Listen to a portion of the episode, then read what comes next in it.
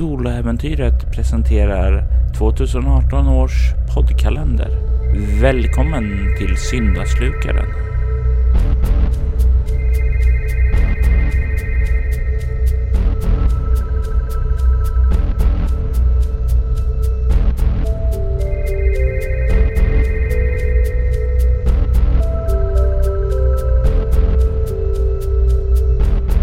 Jag är Axel Vidén från Vi spelar rollspel-podden och eh, i det här avsnittet så spelar vi rollspelet Bortom. Jag tar rollen av psykonauten Mason Greystone och eh, han är en av läkemedelsföretaget Alpha 1 Omega Industries själsligt uppvaknade forskare. Eh, och jag söker efter okulta hemligheter.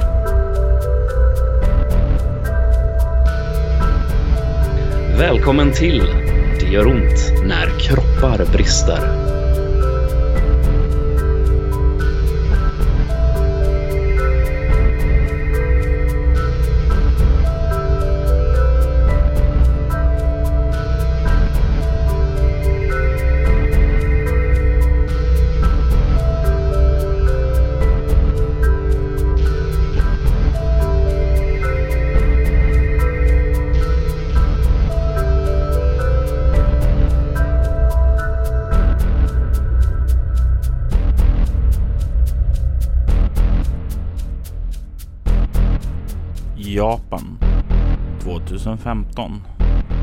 Alpha 1 Omega Industries. Ett globalt läkemedelsföretag som står för mycket av den ledande medicinska forskningen. På utsidan är det en respektabel institution med effektiva mediciner och avancerad forskning. Vad allmänheten dock inte vet är att det finns en annan sida av företaget. En visionär sådan. De är öppna för okonventionella lösningar. De vågar att eh, leta på vägar andra förkastar. De försöker sammanföra vetenskaper och myter för att bygga en bro mellan det vardagliga och det mystiska.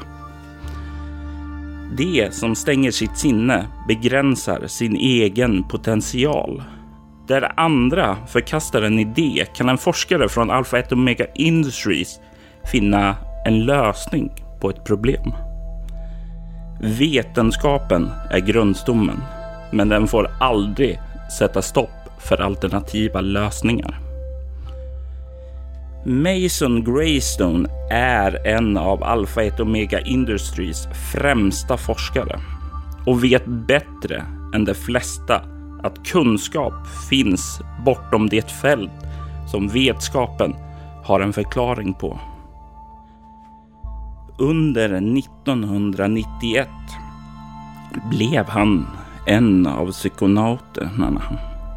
En av de människor som lyckats frigöra sig en del av de krafter som finns i hans själ.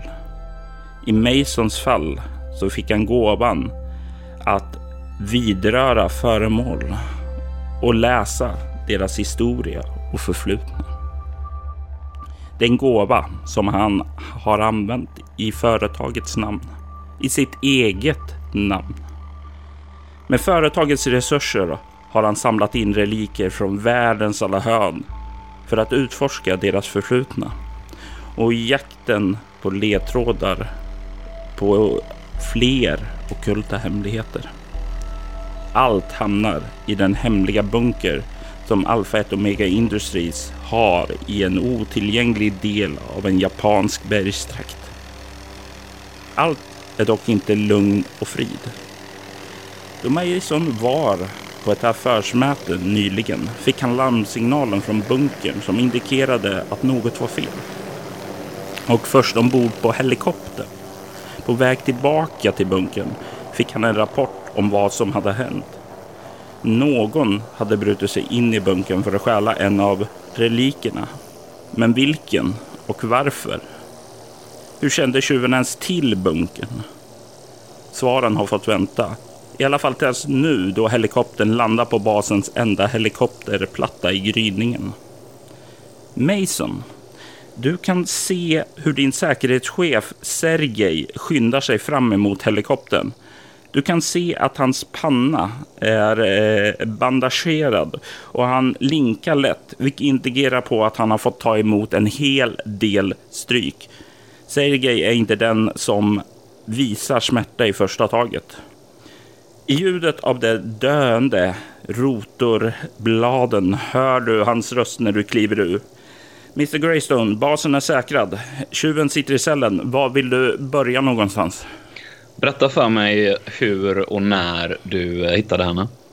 Eh, han börjar ju leda dig inåt mot basen då, eh, samtidigt som... Eh, Walk with me. I, eh, exakt så. Yes. Eh, för att komma undan rotorbladen som fortfarande låter där, men sakta tynar bort. Och eh, han säger, ja, vi var, det var en helt vanlig dag. Vi fick eh, plötsligt ett larm att eh, ja, det hade, någon hade gjort intrång i själva eh, en av våra valv där vi hade de nyinskaffade rikena på din senaste resa som du inte ännu har hunnit gått igenom. Och det är ungefär då ni kommer fram till dörren och liksom kliver in och det blir genast tystare när ni kommer in. Mm. Och eh, när ni fortsätter sedan och vandra inåt i den bunkern så ser du ju det här. Det är ju, det är ju som en kulvertgångar. Det är ju inget dagsljus eller så, utan allt är de här lamporna som hänger i taket och ger det här ja, ganska onaturliga skenet som inte finns utomhus. Känner jag till uh, ungefär hur uh, basen är layoutad och sådär? Jag kanske har sett planritningarna och sånt tidigare, eller? Du har nog varit här några gånger. Du kanske inte har varit på alla ställen, men du brukar ju Nej. komma, vad heter det? Du kommer ju hit för att ja, i princip bara läsa av föremål i princip. Mm. Eh, och det brukar på, vara på den här övre delen. Så de här nedre där det finns både så här eh, vetenskapsavdelning, eh, valv och sådant. De kanske det, utan det är, du har ett litet kontor här uppe där du i princip brukar gå och eh, där får du in artefakterna till dig och mm. då läser av dem. I övrigt så vet du väl att det finns någon så här sammanträdesrum, någon toalett, någon vardagsrum, den typen av ställen här uppe. Men de underavdelningarna är du inte bekant med sedan tidigare. Just det, och rent hierarkiskt så är jag eh, chef eh, organisatoriskt över alla som arbetar här. Men jag har högre chefer i företaget ovanför mig som eh, bestämmer över här, den här eh, installationen mer än vad jag gör. Eh, du, du, du, om vi säger det, du är, är ju en av dem som är toppforskarna inom Alpha 1 Omega Industries. Så du rapporterar ju till, direkt till företagets vd, Dr. Sebastian Cox. Som har sitt huvudkontor i England. Och det är väl tekniskt sett, även om det är ju Alpha Pharmaceuticals som äger den här basen och du har, eh, vad heter det, du har ju fullt, eh, fullt inflytande över själva bunkern om det, såvida det inte kommer en direkt order från Dr. Cox i sig. Just det. Yes, så, så ja, det var en helt vanlig dag. Ja, och eh, jag, jag var ju i säkerhetsrummet då. Eller ja, jo, jag var i säkerhetsrummet. Jag kom in just när larmet gick. Och jag tog några säkerhetsvakter där och begav mig genast dit för att kontrollera vad som hände. Det var ju lite märkligt. Vi borde ha fått en indikation tidigare på något inbrott. Eh, men jag kollade systemen efteråt och jag har inte funnit något spår av någon typ av inbrott, vilket är jävligt märkligt. Vi kom in i valvet i alla fall och vi fann en eh, kvinna, 25 fem år, blond, eh, kaukasisk. Eh, och eh, hon letade runt på hyllorna där. Och eh, vi sa åt henne att ge upp, eh, lägga ifrån sig vad hon höll i och eh, komma med oss. Och hon... Låt oss säga vad som hände näst. Alltså hon agerade med en så snabbhet sån styrka att jag vet inte riktigt hur jag kan säga att det är fullt mänskligt. Det är sånt där weird shit som du håller på med eh, som jag inte riktigt kan sätta fingrarna på vad det är. Det är en resa att eh, akklimatisera sig till den kunskapen och eh, du är på god väg. Du håller på att ta de första stegen och jag är med dig hela vägen och det här fixar vi. Så hon hade någon form av övermänsklig styrka och snabbhet eller? Alltså jag, jag, jag är inte, alltså inte bara övernaturlig utan hon var tränad. Alltså det, alltså det liknar någon form av, eh, ja, jag ska säga en modern stridskonst som amerikanska soldater eh, lär sig. Men jag, jag, kan inte säga att jag tror att hon är militär, men det känns som intrycket jag fick är att någon som har varit inom det militära har lärt henne hur hon slåss. Hon har en träning utöver mm. sin förmåga att, eh, ja, du vet, spöa skiten ur oss. För hon neutraliserade övriga säkerhetsstyrkan nästan innan jag hunnit få in mitt första slag på henne. Hur många döda eller utslagna? Eh, det är eh, in, inga döda lyckligtvis, men eh, tre allvarligt skadade och en lindrigt skadad. Tror du att hon hade kunnat döda någon av dem ifall hon hade viljat? Utan tvekan. Så det innebär alltså att hon medvetet undvek att döda? Ja, om du vill kalla det så, så sure. Eh, hon kunde definitivt ha fuckat upp oss mera. Så ni övermannar henne? Eh, jag lyckats få ner henne efter mycket om och men. Eh, och eh, jag, jag satte henne i en av våra underjordiska celler. Så hon sitter där i förvar nu. Eh, vi har som sagt också spärrat av valvet. Eh, där, eh, vad heter det, eh, inbrottet skedde. Och eh, doktor eh, Akiyama eh, håller på och ja, se över männen just nu. Och doktor Akiyama vet ju att det är en ung eh, japansk läkare. Eh, du har en viss känsla av att hon har eh, lite lättare att ta till åt sig av det övernaturliga än Sergej Tanaka eftersom mm. doktorn då har i sin fil notering om att hon har haft möten med esoteriker eller vad som i popkulturen kallas för magiker. Har, har inbrottstjuven pratat med någon annan sedan ni spärrade in i cellen? Nej, jag har inte låtit henne tala med någon utan eh, jag vill att... Utmärkt. Mm, bra. Då skulle jag vilja att, eh, om du inte redan har gjort det, så vill jag att du börjar, börjar arbeta på att eh, backtracka hennes resa genom basen. Eh, tänk baklänges från där du hittade henne och försök konstruera olika scenarion för vilken väg hon kan ha tagit genom basen och hur hon kom in. Eh, och så pratar vi om det efter att jag har haft ett inledande förhör med, med fången. Eh, jag tror att eh, först så vill jag besöka Dr. Akiyama, dock. Fången kan säkert vänta ett par minuter. Absolut, absolut. Då tar jag och för dig dit och sedan går jag till valvet. Utmärkt. Och han eskorterar dig fram till en eh, hiss du har säkert sett hissen tidigare men inte riktigt brytt dig om den eftersom du inte haft något ärende ner dit. Eh, men ni kliver in i hissen och han, vad heter det, ja, visar dig, eh, vad heter det, att det finns fyra våningar. Eh, krävs, vad heter det, handavtryck för att åka nedåt. Fyra våningar sa du? Mm.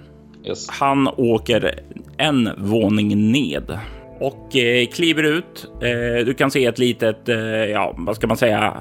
Lobby är väl fel ord, men typ eh, mötesrum då. Och du kan se en del in till eh, vad heter det, ja, den medicinska avdelningen och sedan åt andra hållet in till forskningsavdelningen. Mm. Och han gör en gest åt den medicinska avdelningen och säger Dr. Akiyama finns där inne. Hennes kontor är längst in. Tack så mycket Sergej. Jag uppskattar din uh, effektivitet och uh, snabbhet. Uh, valven finns nere på våning tre. Eh, cellerna på våning fyra. Mm. Så du vet vad. Och din handavtryck är eh, reggad här så du kan fritt röra dig fram och tillbaka. Yes. Eh, jag antecknar lite baslayout här. Mm, yes. Bra! Eh, tack Sergej. Jag, eh, jag kallar på dig när jag är redo att gå igenom vad du kommit fram till angående att uh, fundera på hur, vilken väg hon tog genom basen. Absolut. Här har du kommunikationsutrustning, säger han, som fungerar här inne i basen. Utmärkt, utmärkt. Mm. Och sen så, eh, vad heter det, kliver du ur hissen och du hör bakom hur han trycker på en knapp och åker nedåt.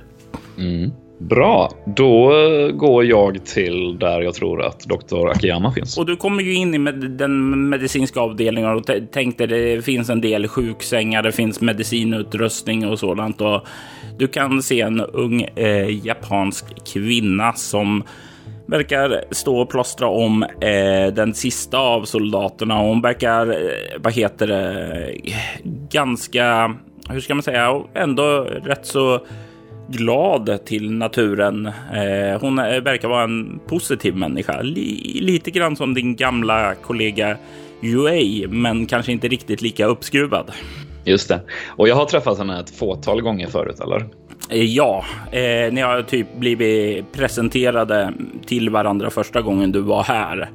Men inte mycket mer än så.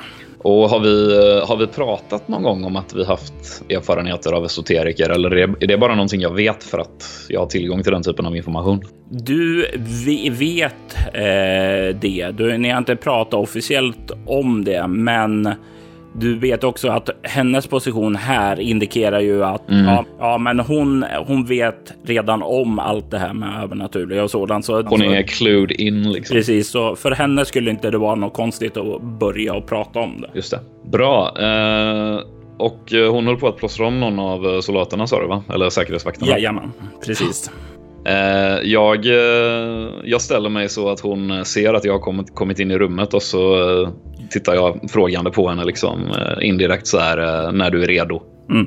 Och hon gör en sån nick åt dig och verkar avsluta det som hon håller på med så fort som möjligt och sedan kliver fram. Mr Greystone, jag har väntat på er. Ja, jag förstår. Ska vi uh, tala ostört någonstans? Hur är det med vakterna? Är det, är det några allvarliga skador? Hon visar dig handen åt sitt kontor och börjar gå samtidigt som hon säger att det kunde ha varit värre. Alltså, de här tre kommer behöva konvalescenstid så vi behöver beställa in en ny vaktstyrka för att ta hand om det. Mm. Eh, deras arbete, den eh, sista. Eh, han, han, han kommer kunna återgå till sin tjänst efter någon dags vila bara. Så mm. det är inte lika allvarligt där. Men ja, det är som det är, säger hon och öppnar dörren. Ja, jag skickade ett snabbt uh, voicemail till uh, Sergej. Uh, Sergej, uh, kontakta högkvarteret och beställa en ny vaktstyrka också. Ja, ja chefen. Gott. Uh, yes, vi kommer in på hennes kontor. Kontoret är, eh, till skillnad från eh, sjukvårdsstället eh, som är ganska kliniskt och sådant, ganska grönskande. Hon har mycket växter här inne som liksom gör att allting känns mycket mer levande, grönskande. Och kan se också, det står ett litet så här bonsai-träd på eh, skrivbordet och det ligger också liksom sådana här klippningsverktyg där också som verkar vara lite grann av eh, stressnings eh, hobby för henne också. Gröna fingrar? Ja, eh, jag gillar liv i alla dess ordningar, även om det är eh, växter också. Och hon går och gör en gest att eh, slå ner i den lilla soffgruppen som finns här inne också. Jag sätter mig ner och eh, lättar lite på slipsen och knäpper upp en knapp. Och, uh, vilken dag! Ja, jag hörde att du var på något stormöte. Det här eh, har givetvis eh, högsta prioritet. Jag kom så fort jag hörde. Eh, utmärkt. Eh, jag vet inte riktigt exakt vad som har hänt, men det som rapporter jag fick ifrån Sergej så verkar det som vi har att göra med någon typ av inbrottstjuv som har förmågor på något sätt. Vart var du när du märkte att någonting var fel?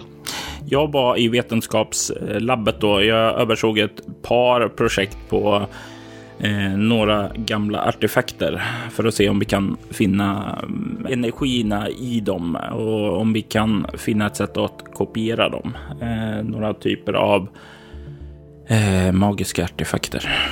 Mycket intressant, men låt oss fokusera på eh, vad som hände här alldeles nyss. Så mm. du, du hör larmet gå då gissar jag? Ja, eh, och vi har ju eh, rutiner för om det skulle uppstå att eh, medicinska avdelningen ska göras redo att stå i standby. Så jag initierar protokollen och eh, står redo. Och ganska snart så får jag ett meddelande från Sergej som säger att casualties på eh, vad heter det, valmnivån.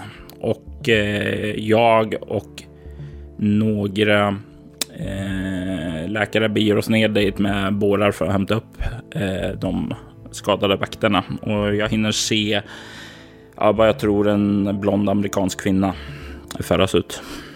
Vad får du att tro amerikansk? Hörde du henne säga någonting?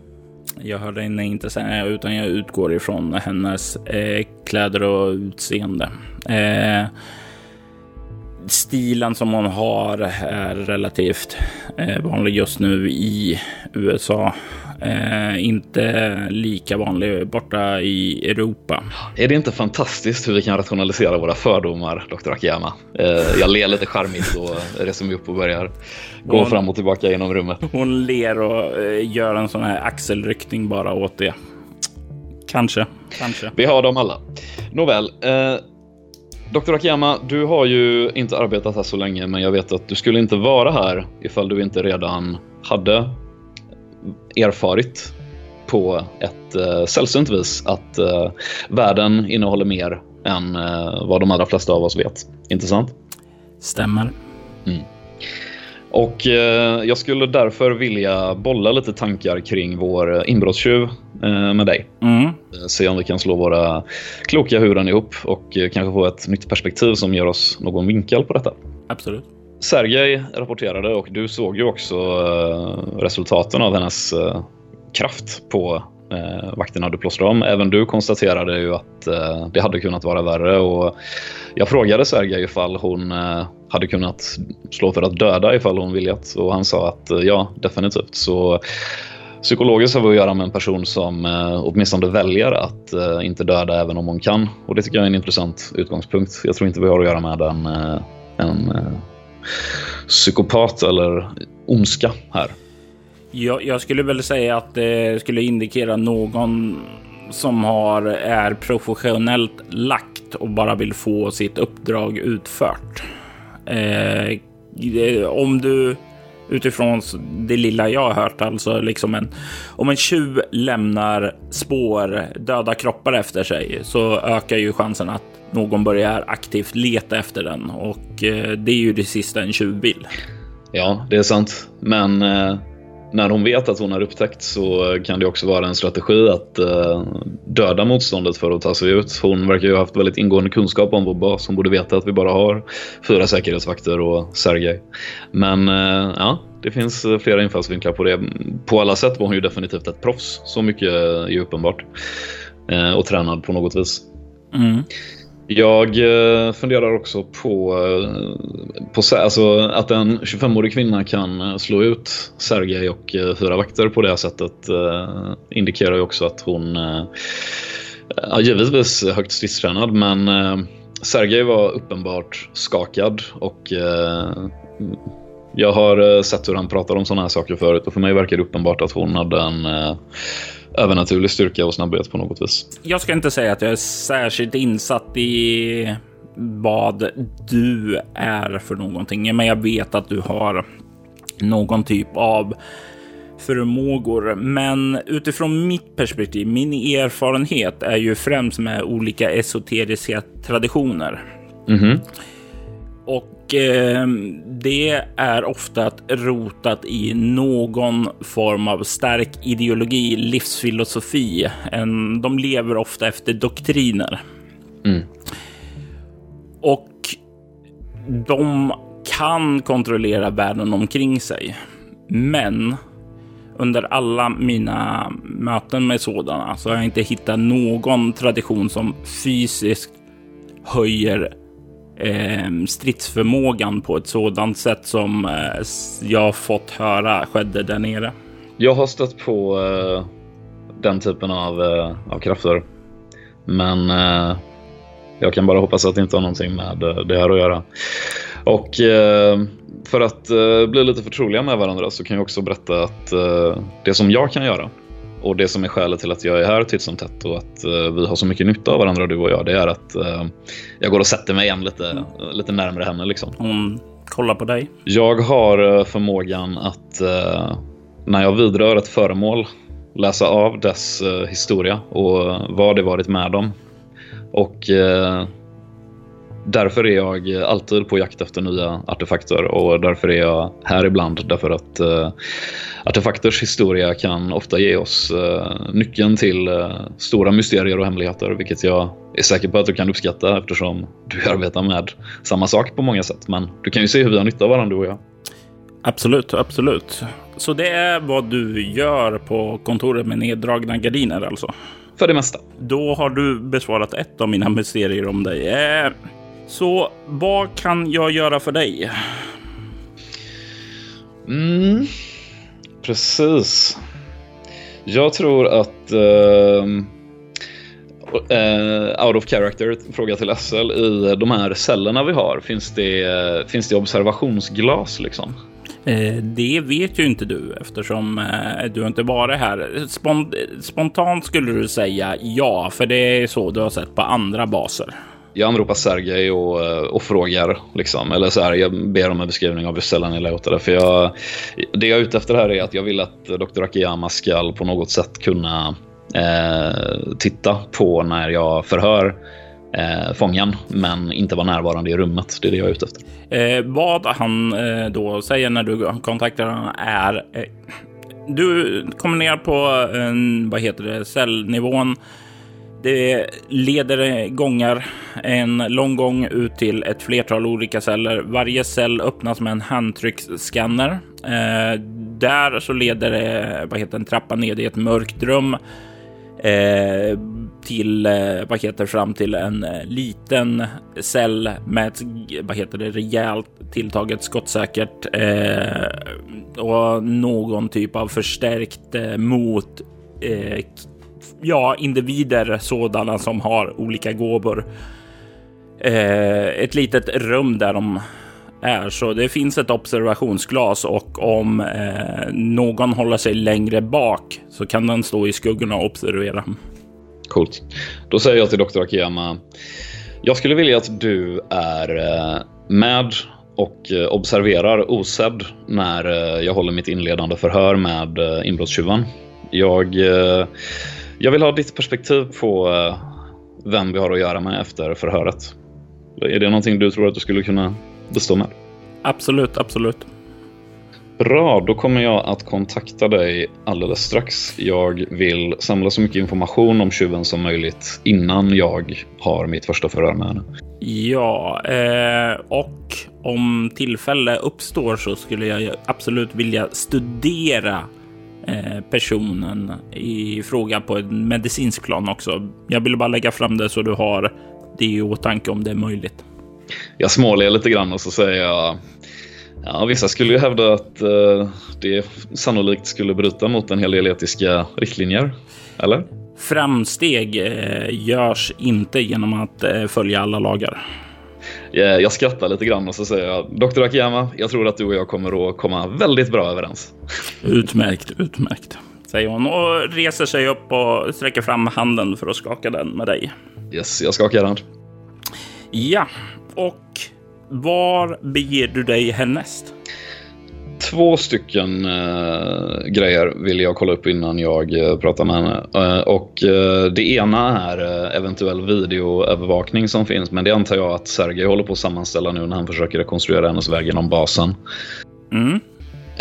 Det andra jag tänkte var att jag såklart vill ta ett, en titt på valvet som de haffar henne i. Ja. Så jag beger mig dit tror jag. Mm. Eh, du tar hissen ned och du kommer ju ner där och kan ju se att det är lite personal där. Eh, någon vetenskapsman som liksom håller på ja, tyvärr, vad ska man säga, en sån här brottsplatsundersökning nästan. Det är liksom avspärrat och verkar leta efter spår och sådant där. Och du kliver fram. Det är inte några problem att hitta själva valvet här som inbrottet skedde i.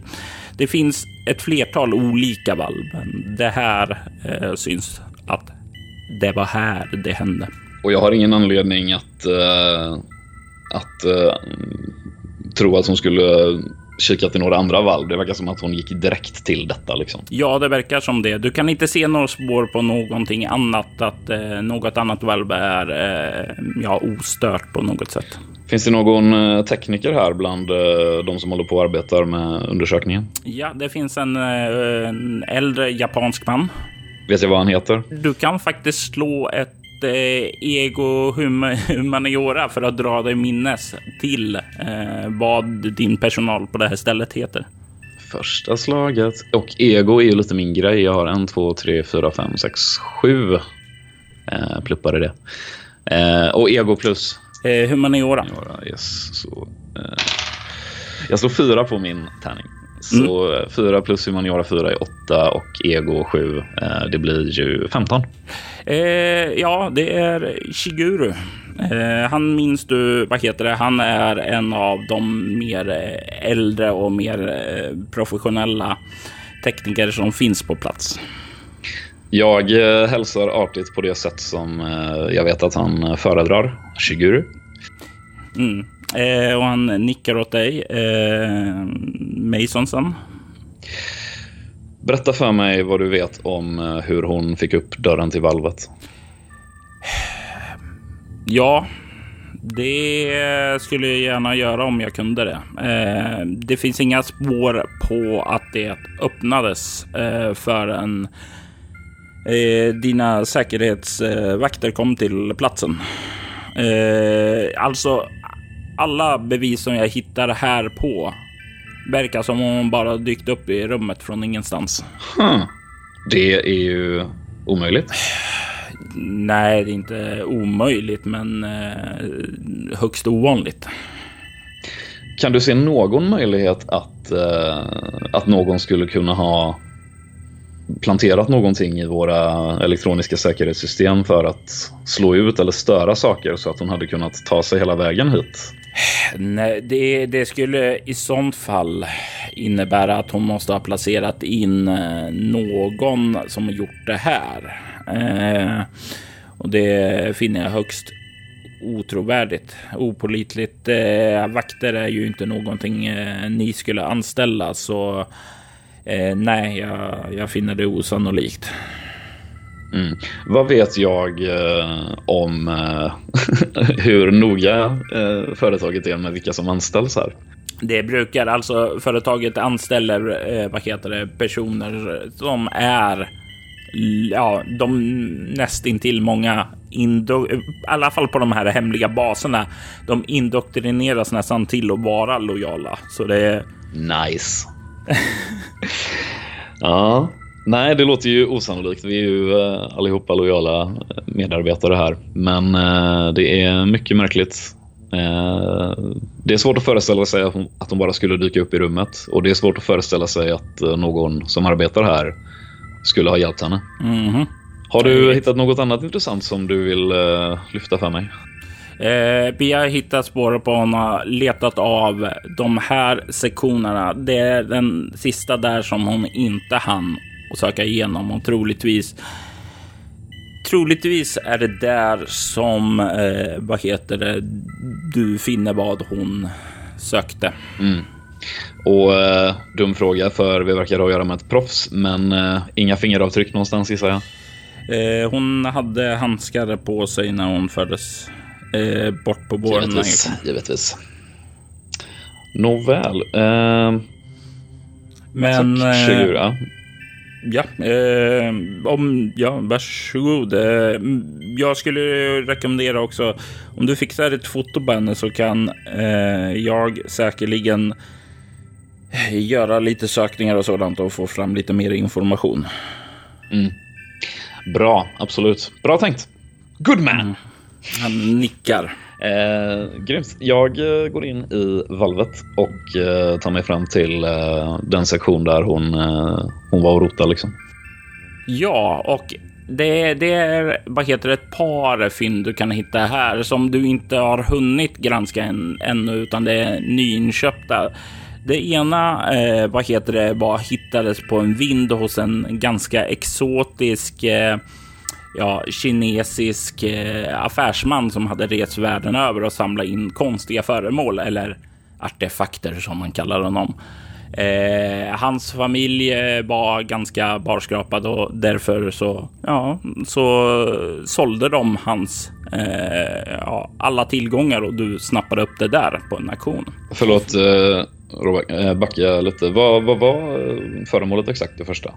Det är en drös av olika föremål. Aha, okej. Okay. Det är en hel låda med små prylar liksom. Precis, och det, det här är någonting som är i samtliga samlingar. Det är inte bara ett föremål, utan det är en hel hög av föremål. Ja, okej. Okay. Yes. yes. Okay. så det var första högen. Mm. Andra högen sa du? Den andra köpte du ifrån Argentina. Eh, och det här tillhörde en gammal eh, ja, nazist eh, från andra världskriget som hade gått i exil där och gömt sig undan för att komma undan sina konsekvenser och hade tagit med sig en del av gamla nazistiska objekt som var av okult intresse för dem.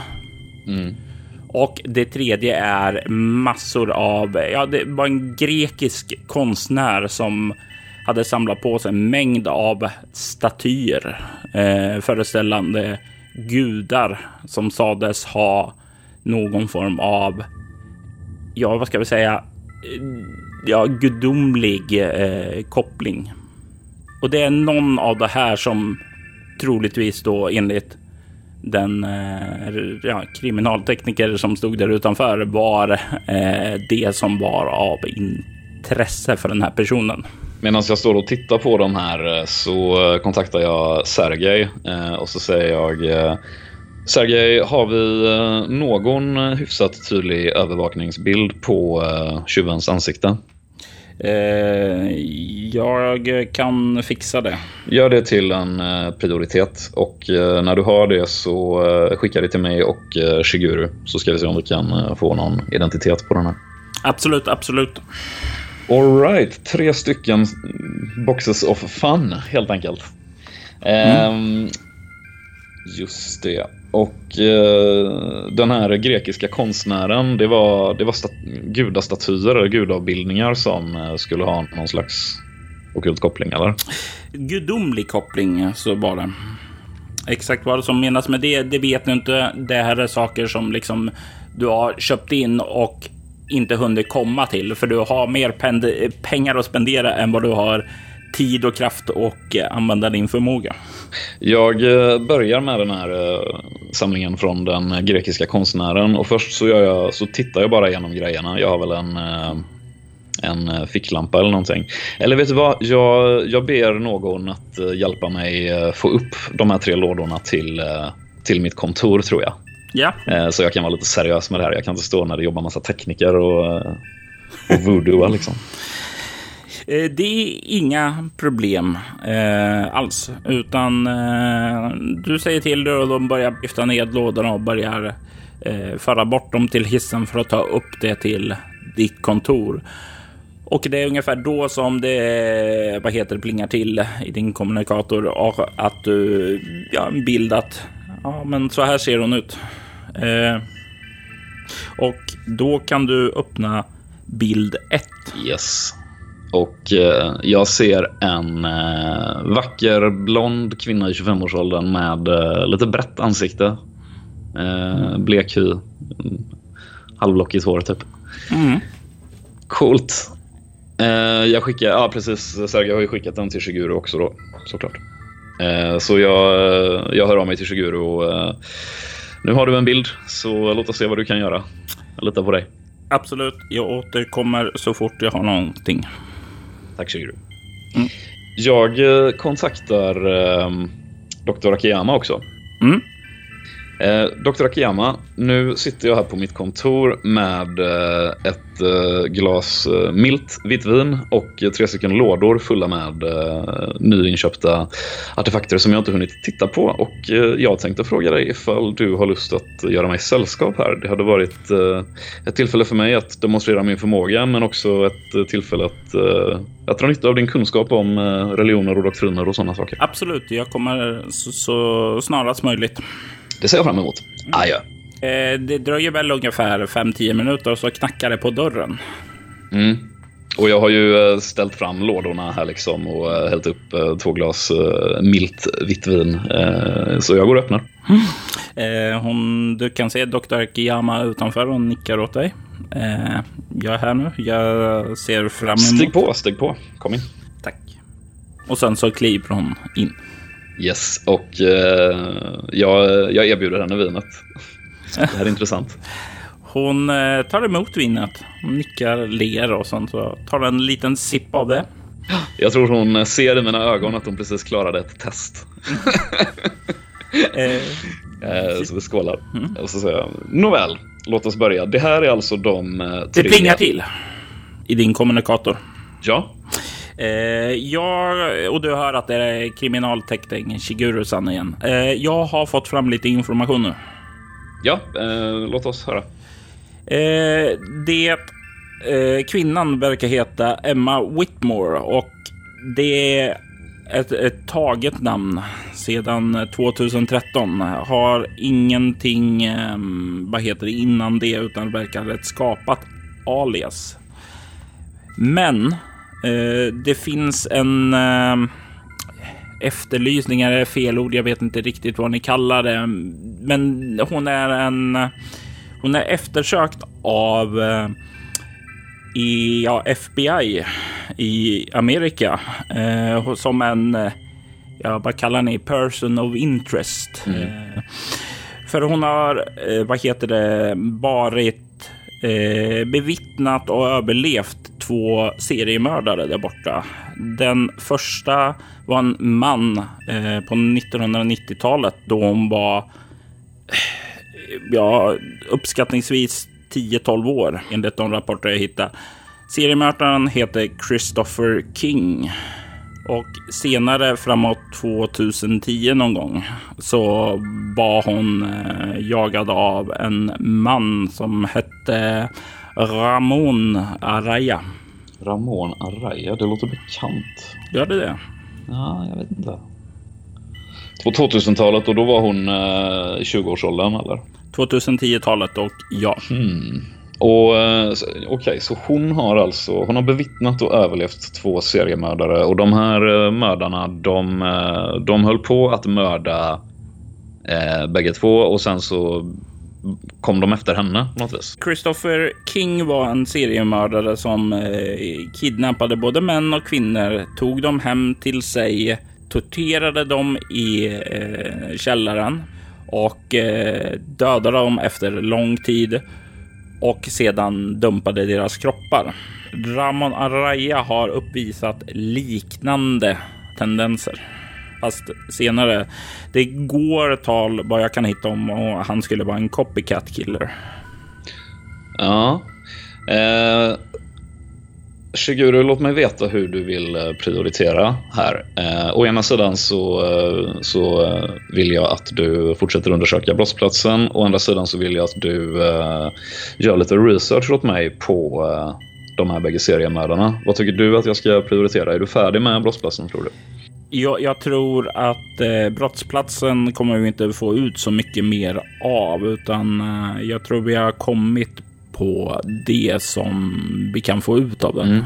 Bra, då vill jag att du eh, fortsätter göra lite research på de här bägge seriemördarna och uh, framförallt mm, likheten mellan dem, eventuell koppling till uh, den här Emma Whitmore som alltså hette något annat tidigare. Då. Mm. Eller, ja. Vad, exakt vad det hon efterlyst? Uh... Hon är inte, alltså hon är... Eller person of interest var det. Ja, precis. Eftersökt för att Ja, jag tror de ville veta mer om kopplingen, om det finns någon koppling mellan dem och i så fall vad den är. Och hon är den enda som länkar samman dem. Mm. Eh, vet vi, har vi några kontakter på FBI eller? Ja, jag har en polare som äh, arbetar där så jag har lite, ja, eh, låt oss säga som sagt, jag har en väg in där. Ja. Om du tror att du kan eh, få reda på information av honom utan att äh, avslöja att vi har henne. Så uh, kör. Absolut. Jag vill inte att vi får FBI på halsen om de är ute efter henne. Nej, absolut. Diskretion är mitt mellannamn. Utmärkt. Och uh, de här bägge seriemördarna, bara så jag förstår exakt här. De, de Alltså... Båda har verkat i, i USA ska sägas, inte någon annanstans. Yes, och, eh, och de var bägge två aktiva mördare när de eh, kom i kontakt med Emma Whitmore. Ja. Just det. Och hon... Eh, så, så, så, polisen har fått reda på så pass mycket som att eh, hon var ett av deras eh, tilltänkta offer men kom undan i bägge fallen. Eh, de, eh, vad heter det, eh, vad som i Christopher Kings fall så såg hon fly från platsen i samband med hans gripande.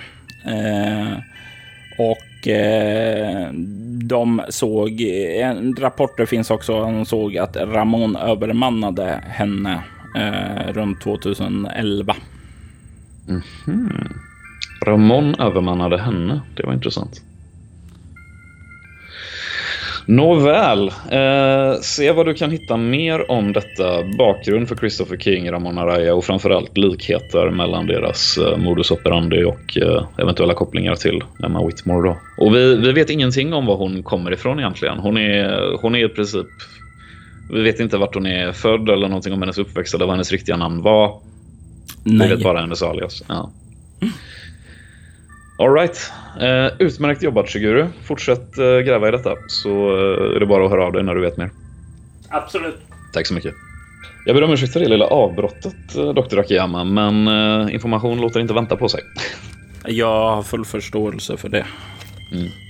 Um, jag sammanfattar lite snabbt Shigurus information för, uh, för uh, Dr. Akiyama. Ser om hon reagerar på någonting särskilt. Liksom namnen eller... Du, du kan ju slå ett utstrålning kameleont. Mm. Utstrålning har jag fem i och kameleont har jag fyra i. Så 9 plus 5 blir 14. Alltså du, när du börjar dra din recap så lägger du märke till en sak och eh, hon verkar ha bara hört din del av samtalet. Eh, har pusslat ihop det mesta redan. Mm, hon är smart. Eh, och hon, eh, vad heter det, verkar helt enkelt ha eh, inte reagera på namnen i sig. De är inte bekanta för henne. Mm, just det. All right. Hopp till det roliga. eh, jag beskriver kort eh, vad jag vet om de här tre samlingarna för henne. Kinesisk affärsman som var samlare, eh, gammal nazist som flydde till Argentina och eh, en grekisk konstnär som eh, ska ha en samling med kopplingar till det gudomliga på något vis. Mm. Eh, jag kan ju säga direkt en sak ifrån de där. Det är att den där så pekar hon mot den nazistiska samlingen. Den känner jag inga övernaturligheter, eller ska jag säga esoteriska övernaturligheter ifrån, men jag känner det från de andra. Jag höjer på eh, ena ögonbrynet och uh, går lite närmare henne och studerar henne noga. Och du kan alltså känna esoterisk energi på uh, håll? Ja. Intressant. Ja, det, det, det kan vara så. Det kan, kan vara oerhört praktiskt i alla fall. Jag gissar på att det är min uh, ja, dagar tillsammans med esoteriker som har lämnat spår hos mig. Mm. Då var det ju sannoliken tur att jag eh, kallade upp dig hit så att uh, det här delikata faktumet kom i dagen. Intressant. Hon ler bara till svar. Eh, ja, Mason känner ju sig lite förebrådd ändå därför att eh, I showed her mine men eh, she didn't so, show me hers. Förrän nu liksom. Men jag tänker att eh, det är den japanska professionaliteten. Eh, yes, så två lådor kvar då. Eh, jag, jag går till den här lådan med samlingen från den grekiska konstnären och öppnar den. Mm. Ja, och du kan ju se, eh, vad heter det, en, ja, det är en mängd statyer och eh, du har ganska högt i både humaniora och kult, så du känner ju igen statyerna också. Det är ju den grekiska gudafamiljen Zeus, Hades, Hera eh, och så vidare och så vidare. Låg inte Illyrien i närheten av eh, Grekland? mellan Grekland och Albanien och de dyrkade en gud där som hette Dionysus, vinets och festets gud. Och eh, ja, det finns en avgudabild på Dionysus också. Eh, jag, eh, jag eh, kallar till mig eh, Dr. Akiyama och så säger jag hur, eh, hur pass finkalibrerad är du? Kan du eh, avgöra vilket föremål det rör sig om? Jag, jag, jag, jag känner, vad heter det, svag energi från samtliga här. Eh, om jag får gissa så utgör den en uppsättning som gör någonting. Jag kan inte känna vad de gör, men att de är en del av ett sätt. Hmm. Du kan ju slå ett ego humaniora eller ego ockultism. Du får välja. Humaniora har jag fyra i, ockultism har jag fyra i. Men eh, ockultism känns roligare. Så jag yeah. på det helt enkelt. Och ego har jag ju eh, sju i. Det är ett svårt slag så du ska upp i 15. Mm. Eh, jag funderar på om jag kan använda någon av mina egenheter där. Briljant till exempel. Mig som ser sammanhang som andra missar och får plus ett på alla slag för att lista ut mysterium slash göra kopplingar mellan till synes orelaterade saker. Det får du absolut använda. Ja. Eh, då har jag plus eh, eh, 8 och så ja, 12 och så ska jag upp till 15 med det här slaget då. Mm. Nej! 1. 13. Oh, det är, och det är nu som det börjar bli frustrerande. Alltså, för det är, du känner att det är någonting som gnager dig. Det är någonting som du borde känna igen här, men som du inte riktigt kan sätta fingret på just nu i alla fall. Jag, eh, jag kanske kommer på det i och för sig. Jag tänker på eh, de här statyerna i den japanska byn. Mm. Att det var en samling. Eh, det var också en samling statyer. Det här är också en samling statyer. Alltså de är ett set liksom. Ja. Ja, dina tidiga erfarenheter har ju stött på märkliga statyer sedan tidigare. De var tre och de var fyllda av någon ondskefull kraft. Eh, och det påminner faktiskt nu när du tänker efter på den incidenten att det skulle vara något, kunna vara något liknande, även om det inte syns fysiskt på samma sätt som då. Eh, ja, hur, hur är det min eh, psykometri? Är det så här? Måste jag anstränga mig för att aktivera den eller kan det vara så ibland att om jag bara råkar plocka upp ett magiskt föremål så kan det bara skölja över mig utan att jag kan stoppa det? Det är en medveten aktivering alltså eftersom för att använda dina krafter så tar det en bestående förlust. Sedan om du vill eh, motivera den bestående med förlusten med att åh, det var mitt undermedvetna som aktiverade så är det upp till dig. Ja, men det är inte direkt farligt för mig att bara ta i uh, esoteriska föremål. Liksom. Det är väl det jag är ute efter. Eh, din erfarenhet från Hinokusan var ju att eh, de där statyerna som du försökte ta i, de frätte ju kyla på dig då och gjorde ont. Ja. Eh, hmm. Jag, eh, har jag någon eh, har jag någon växt i mitt kontor? Någon växt borde jag ju ha ändå. Ja. ja. Eh, jag plockar upp en väldigt exklusiv sekatör och så går jag fram och knipsar av en kvist ifrån en växt här. Mm. och så går jag tillbaka till statyerna och så börjar jag, jag börjar peta på var och en av dem med eh, kvisten. Liksom. och eh, ja, lång historia kort. Eh, ingenting händer. Mm. Då plockar jag upp dem en i sänder och eh, ställer upp dem på skrivbordet bredvid varandra. Och det, det är hela det, den grekiska panteon i princip, eller? Ja. Mm. Eh, intressant. Jag försöker hitta lik. Alltså, är det någonting som förenar tre av dem som får dem att sticka ut ifrån de andra? Nej, utan det verkar som alla är lite slitna av tidens tand och att eh, de, eh, vad heter det, vad ska man säga, de, de är rätt eh, vackra ändå. Alltså det är en konstnär som vet vad han pysslar med.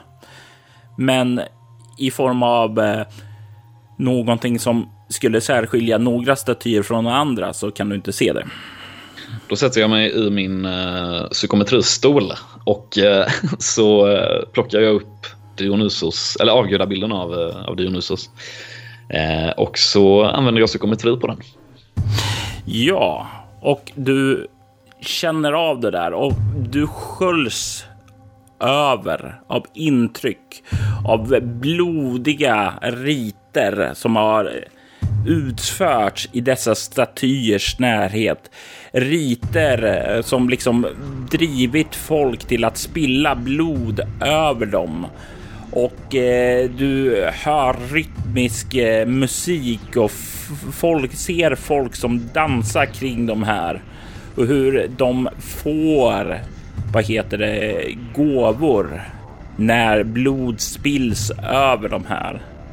Och du känner hur eh, statyerna är länkade till någon form av mörk demonisk entitet som får den här raggen att rysa på dig. Den primala instinkten mot eh, sådana här typer av hemskheter eh, som du tidigare också känt. Eh, du får ta en bestående förlust i valfri egenskap för du använder psykometri på de här. Just det. Eh, kropp väljer jag då. Mm. Så numera har jag bara fyra i kropp. Ja, det verkar helt enkelt vara någon form av eh, statyer som är kopplade till blodsritualer. Mm. Och den bestående förlusten skulle jag säga, den gestaltar sig på så sätt att jag, eh, jag, liksom, jag, jag, faller ju tillbaka lite i stolen när det här sköljer över mig och krampar lite grann i mitt grepp om statyn. Och eh, jag blev väldigt andfådd och började svettas väldigt mycket och krampar mycket i musklerna. Liksom. Eh, nästan som ett litet epilepsianfall. Och, eh, och när jag kommer tillbaka så oh, vacklar till lite grann och tar en stor klunk av det här vinet. Liksom. Du kan se hur eh, Akiyama, hon står och eh, observerar dig nyfiket och liksom precis som en sån här ja, läkare skulle göra eh, som kände fascination för sådant här. Eh, hon verkar studera dig väldigt, väldigt noga. Mm. Jag sväljer vinet och så säger jag nu är du bra nyfiken va? Jag är jättenyfiken. Vad såg du? Jag såg, eh, jag hörde. Jag hörde rytmiska trummor och jag såg eh, extatiska ritualer. Jag såg eh, blod skölja över de här statyerna och jag såg gåvor skänkas till de som offrade till statyerna. Blod och en, en mörk entitet av något slag bakom de här statyerna som, eh, som är den som tar emot kraften och som, som är den som bringar gåvorna till, till de som offrat till statyerna. Uh, jag förstår. Någonting som låter bekant? Jag har Ja, inte just statyer, men jag har hört om kärl som används för blodsoffer i vissa andra traditioner som inte relaterar till grekiska, men eh, där vad heter det blod spills i eh, en behållare av något slag och eh, de absorberar det och skänker ja, eh, esoteriken gåvor efter det. Mm. Jag stötte på eh, en grupp om eh, ett par statyer i eh, en by här i närheten faktiskt som, eh, som frostbrände mig när jag vidrade dem. Det var därför jag var lite paranoid med grenen här alldeles nyss. Jag förstår. Det här skulle ju kunna vara någonting som en grupp vill ha med resurser att skicka en kapabel tjuv. Jag menar, det här är ju de här statyerna är ju en väg till kraft för de som är beredda att offra till den här sortens makter. Så jag kan föreställa mig att någon mäktig aktör skulle kunna vara efter de här. Ja, ja absolut, absolut. Frågan är om det är vad vår tjuv var efter. Det finns inget mer innehåll i den här uh, samlingen nu, eller? Den grekiska? Nej. Mm. Eh, då vill jag eh, öppna den eh, lådan från den kinesiska affärsmannen. Och det är när du liksom går eh, fram till den som du hör ljud. Ja, bortifrån eh, bortsorterade lådan så hör du följande ljud. Okej. Okay. Uh, jag tittar på Dr. Akiyama. Hon eh, vad heter, kollar också på lådan. Hon, du verkar inte ensam ha hört ljudet. Ja. Jag säger, är du säker på att du kände rätt? När du sa att den inte innehöll något esoteriskt. Ja, den innehåller inte något esoteriskt. Men det finns så mycket annat jag inte känner av. Jag känner inte av dig till exempel. Hmm. Jag vet inte om jag ska känna mig förolämpad eller? Givetvis bortsett från er eh, storslagna personliga magnetism. Då. Ja, så mycket kommer man långt med, vet du. Eh, jag öppnar den här. Eh, har jag något? Har jag något vapen här inne? Har du det? Ja, det känns ju som att jag skulle kunna ha en liten revolver gömd i någon låda eller någonting. Det känns lite som. Mm. Jag tycker inte det känns helt främmande faktiskt. Nej, då har du nog det. Men eh, fan, Sergej håller ju på att jobba nu. Det är ju lite synd. Eh, jag tar en chans. Jag. Eh, jag tar inte fram min revolver. Jag, eh, jag lyssnar vid eh, lådan den, eh, och det är den här argentinska nazistlådan, eller? Ja. Mm. Och det är tyst nu. Jag skakar lite på den. Ja, du, du hör ju, det verkar vara lite, ja, vad ska man säga, metall slår med mot trä som slår, eh, dämpas lite av något tyg. Det verkar vara ett par föremål där inne. Uh, jag öppnar lådan och spänn. Du, du, kan se ner i den här kartonglådan. Eh, vad heter det? Dels så kan du se ja, några sådana här ljusstakar med någon form av ja, vad ska man säga, skulpturer på sig som för, föreställer förvridna ansikten, människoansikten. Eh, du ser även en del smycken. Eh, du ser några aztekiska mynt. Du kan se någon kris där. Du kan se en eh, ganska enkel trälåda med någon mönster upp ovanpå i en, ja, en cirkel som består av massa mönster där inne. Du kan se, vad heter det, några vävda filtar, nå, ja, som uppenbarligen vad som dämpar andra och du kan se någon gammal bok också. Massa grejer från ganska mycket olika delar av världen. Ja. Och ingenting här som eh, skulle kunna ha gett ifrån sig ett ljud eller rört på sig.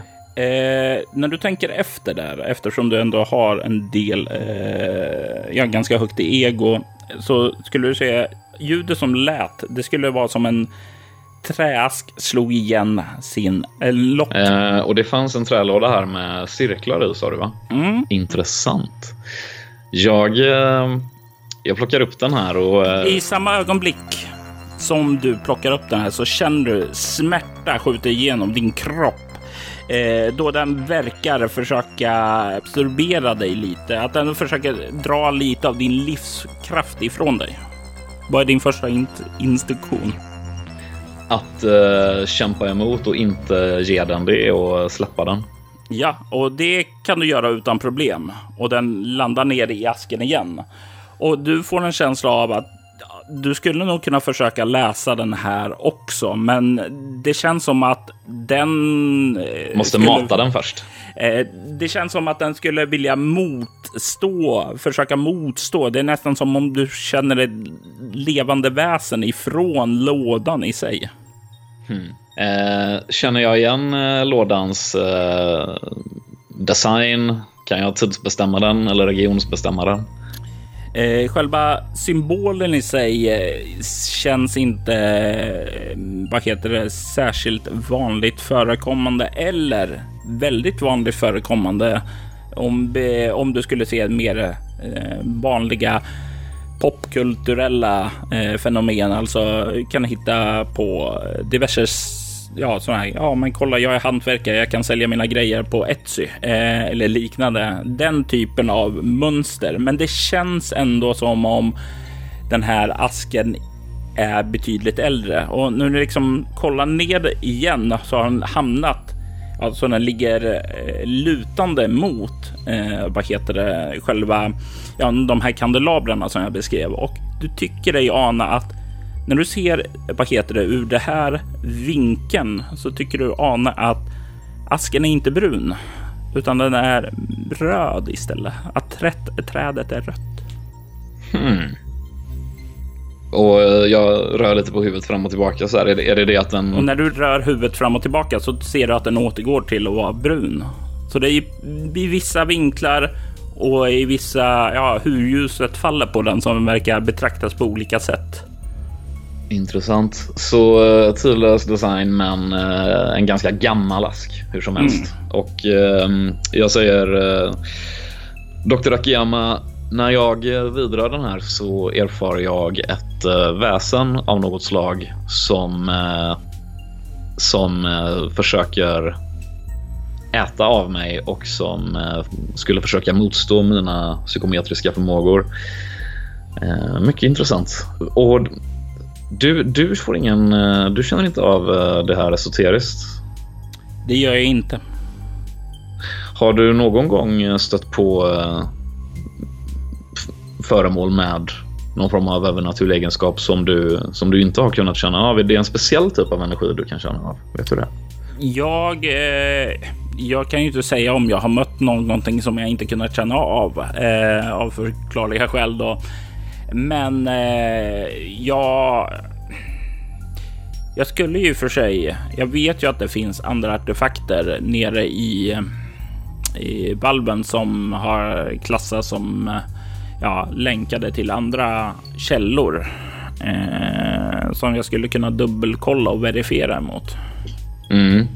Alltså det, det hon föreslår är vad exakt? Att hon... eh, det, du har ju under dina olika, ja du har stött på något som kallas för drömartefakt. Mm. Eh, som sägs till exempel komma från drömmarna och tagit hit till världen. Och du läste av den och fick en del intryck som ledde dig vidare till nästa okulta hemlighet och sådant där.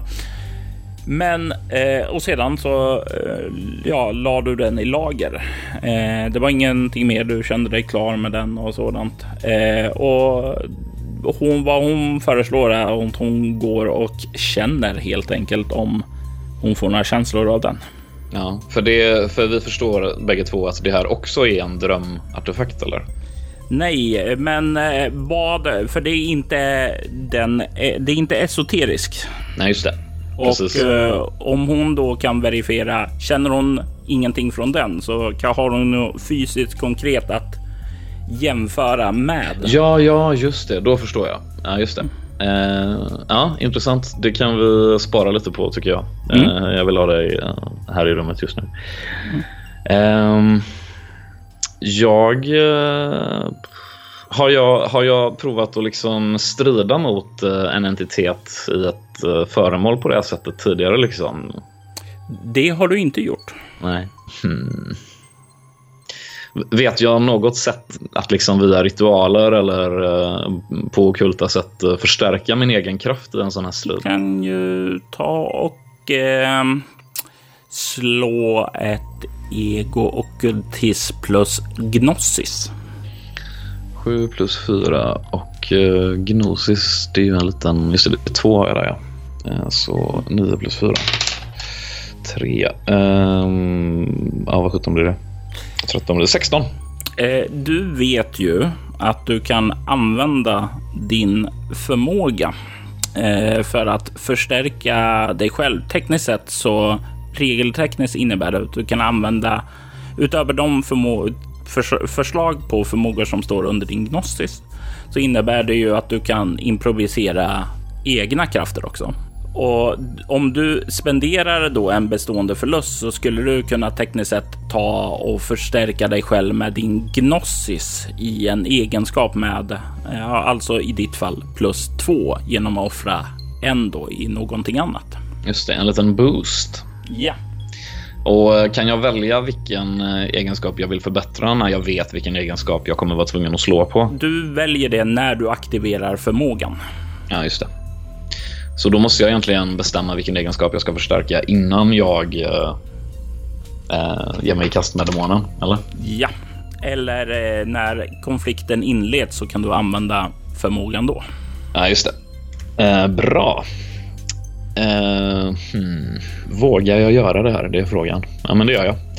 Uh, jag säger till uh, Dr. Akiyama att jag kommer att ge mig i kast med, med den här nu och det kommer förmodligen att bli ganska besvärligt för mig. Så jag är glad att ha en läkare vid min sida. Det finns en första hjälpen-låda i skåpet till vänster om dörren. Bara så du vet. Uppfattat. Och eh, ja, du, du gör vad du behöver göra helt enkelt. Mm. Vi ses om en liten stund. Ja. Och du böjer dig fram för att eh, sätta eh, händerna på lådan. Och du känner hur den börjar föda på dig. Och du känner hur den liksom vill läsa det. Men vad du får reda på den, det hör vi i nästa avsnitt. Skanoten Mason Greystone spelas av Axel Widén och spelledare var Robert Jonsson.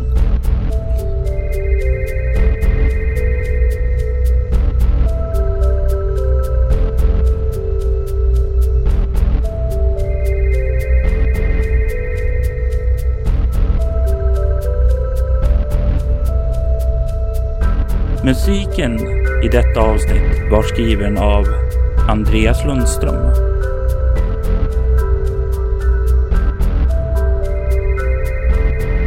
Syndaslukarens vignett är skapad av Andreas Lundström.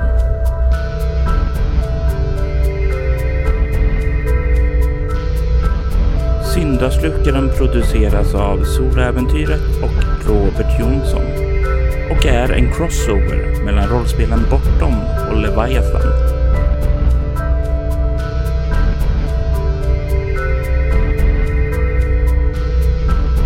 Soläventyret finner du på iTunes, bortom.nu och Facebook. Om du har lust att lämna ett betyg eller skriva en recension om oss på iTunes eller på Facebook skulle vi uppskatta det djupt. För att du har lyssnat.